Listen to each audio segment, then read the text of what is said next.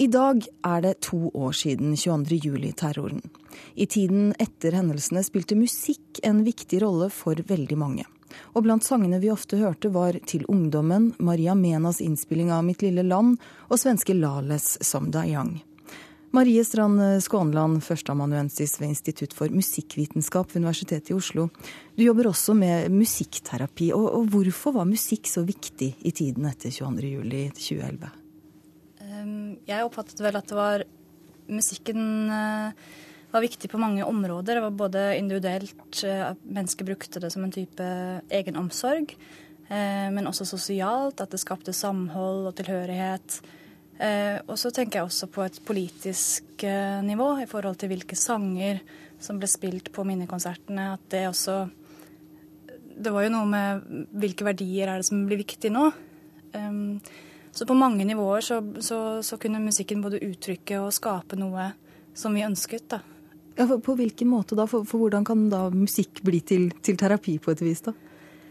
Hvis vi tenker individuelt, så er det jo veldig vanlig at mennesker bruker musikk og lytter til musikk eh, for å regulere følelser, f.eks. Både følelser og, og stemninger.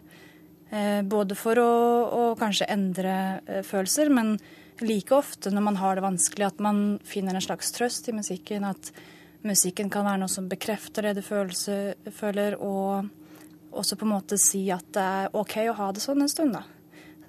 Men eh, i Kulturnytt i dag tidlig så eh, fortalte vi hvordan eh, hendelsene 22.07 satte sine spor i litteraturen. Men i musikken så har kanskje ikke tendensen til å sette det samme avtrykket vært, vært der. Så musikkansvarlig i Dagbladet Sven Ove Bakke, hvilken rolle mener du musikken har spilt etter 22.07?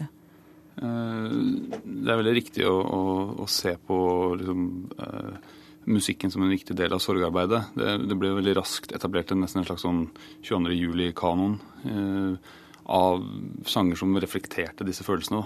Eh, du nevnte 'Mitt lille land', og du nevnte ja, 'Til ungdommen' er et godt eksempel. 'Tyven, tyven' med DumDum Boys og, og 'Barn av regnbuen', som liksom ble en sånn aktivistsang oppi det hele. Um, veldig mye lettere å finne liksom, uh, trøst i noe etablert, noe som ikke egentlig adresserer det direkte. Uh, og da, da, Det tror jeg fortsatt står litt i veien for det at vi ikke får noen nye 22. juli-sanger. Ja, for hvor, Hvorfor ellers er det, er det, vanskelig å lage ny musikk om, om dette temaet her, da? Altså Det er vanskelig fordi det fortsatt er veldig nært. Eh, det er vanskelig fordi det skal gjøres eh, ideelt sett veldig sånn taktfullt og, og, og riktig. Eh, jeg tror artister kvier seg litt fordi de er redde for å bli oppfattet som liksom kyniske. Som liksom spiller på, på dette enorme Altså alle de enorme følelsene som knytter seg til denne episoden. Den traumatiske episoden i, i norsk historie.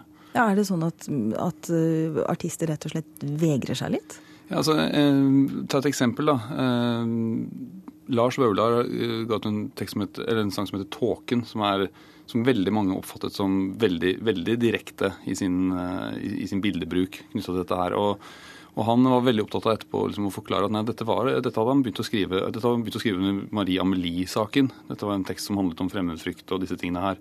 Og som også det er, en, det er en viktig kvalitet ved sangen at det oppfattes slik, men han ville vært veldig redd for å gi den ut hvis han hadde liksom skrevet den direkte. Det ville, ville føltes feil for han.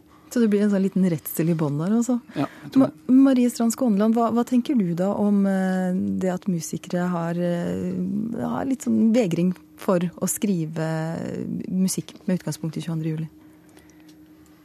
Man kan jo forstå det i forhold til at dette berører alle i Norge, og at man føler kanskje at man kan tråkke noen på tærne, eller at det, sånn som du sa, at det blir for nært og for sterkt og for traumatisk for mange.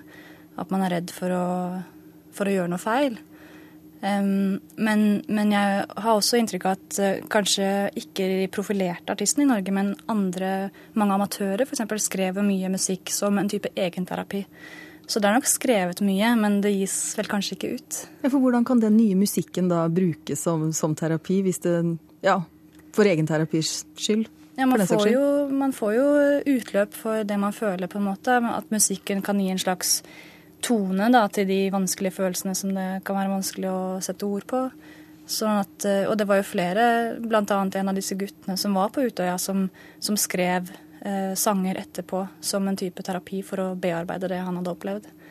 Men, men, det er jo noen som har skrevet sanger. Du nevnte Lars Vaular, som da egentlig tok utgangspunkt i en annen hendelse. Men uh, De Lillos også, de fremførte en uh, sang på minnemarkeringen i fjor. Men der kom det reaksjoner? Ja, og Det er veldig interessant akkurat at de reaksjonene var så sterke. Fordi at det var en tekst som var trykket i Dagbladet, i et sånt minnebilag vi hadde. Og det var ingen reaksjoner på Lars Lillo Stenbergs tekst den gangen den sto som tekst i en avis det var koblingen med musikken og det eh, som på et eller annet vis da ble veldig feil for folk. Det, om ble banalisert eller Altså det, det oppsto et eller annet i møtet mellom tekst og musikk der da, som, som ble umusikalsk i manges ører. Og det blir jo igjen også kanskje sånn, litt sånn til skrekk og advarsel for norske artister. Se hva, hva reaksjonene blir hvis dette, eh, dette blir feil på et eller annet vis. Ja, hva sier det om hva skal vi si, musikkens kraft da, Skånland? Når du har en tekst man kunne lese i avisen og det var ingen reaksjoner, men så fort det ble tonesatt, da, da kom det? Ja, det sier jo mye.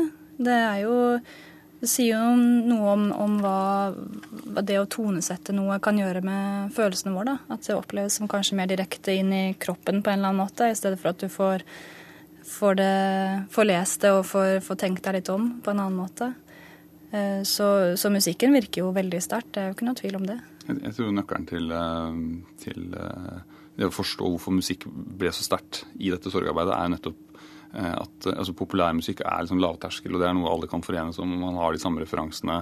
Man, man kan på en måte Litteraturen er vanskeligere å, å, gå inn i for mange. Det, det, krever mer, og der er det rom for større resonnementer. Og, og sånn. Popmusikk er liksom det er livet, og det er veldig enkelt. Og, og derfor tror jeg også det blir veldig sterkt. Er det sånn at det kanskje blir litt for lett å trå feil der, da? Ja, det, det, er, eh, det krever eh, en dyktig uh, musiker og, og, tekstforfatter å få det til. Det Helt helt kort til slutt, Hvordan tror du 22. juli vil prege norsk musikk i framtida? Jeg tror det er et traume som kommer til å, håper si, ri norsk kunst i uoversiktlig framtid. Altså. Det dette blir vi aldri ferdig med. Takk skal dere ha, begge to, musikkansvarlig i Dagbladet Sven Ove Bakke og førsteamanuensis ved Institutt for musikkvitenskap ved Universitetet i Oslo, Marie Strand Skånland.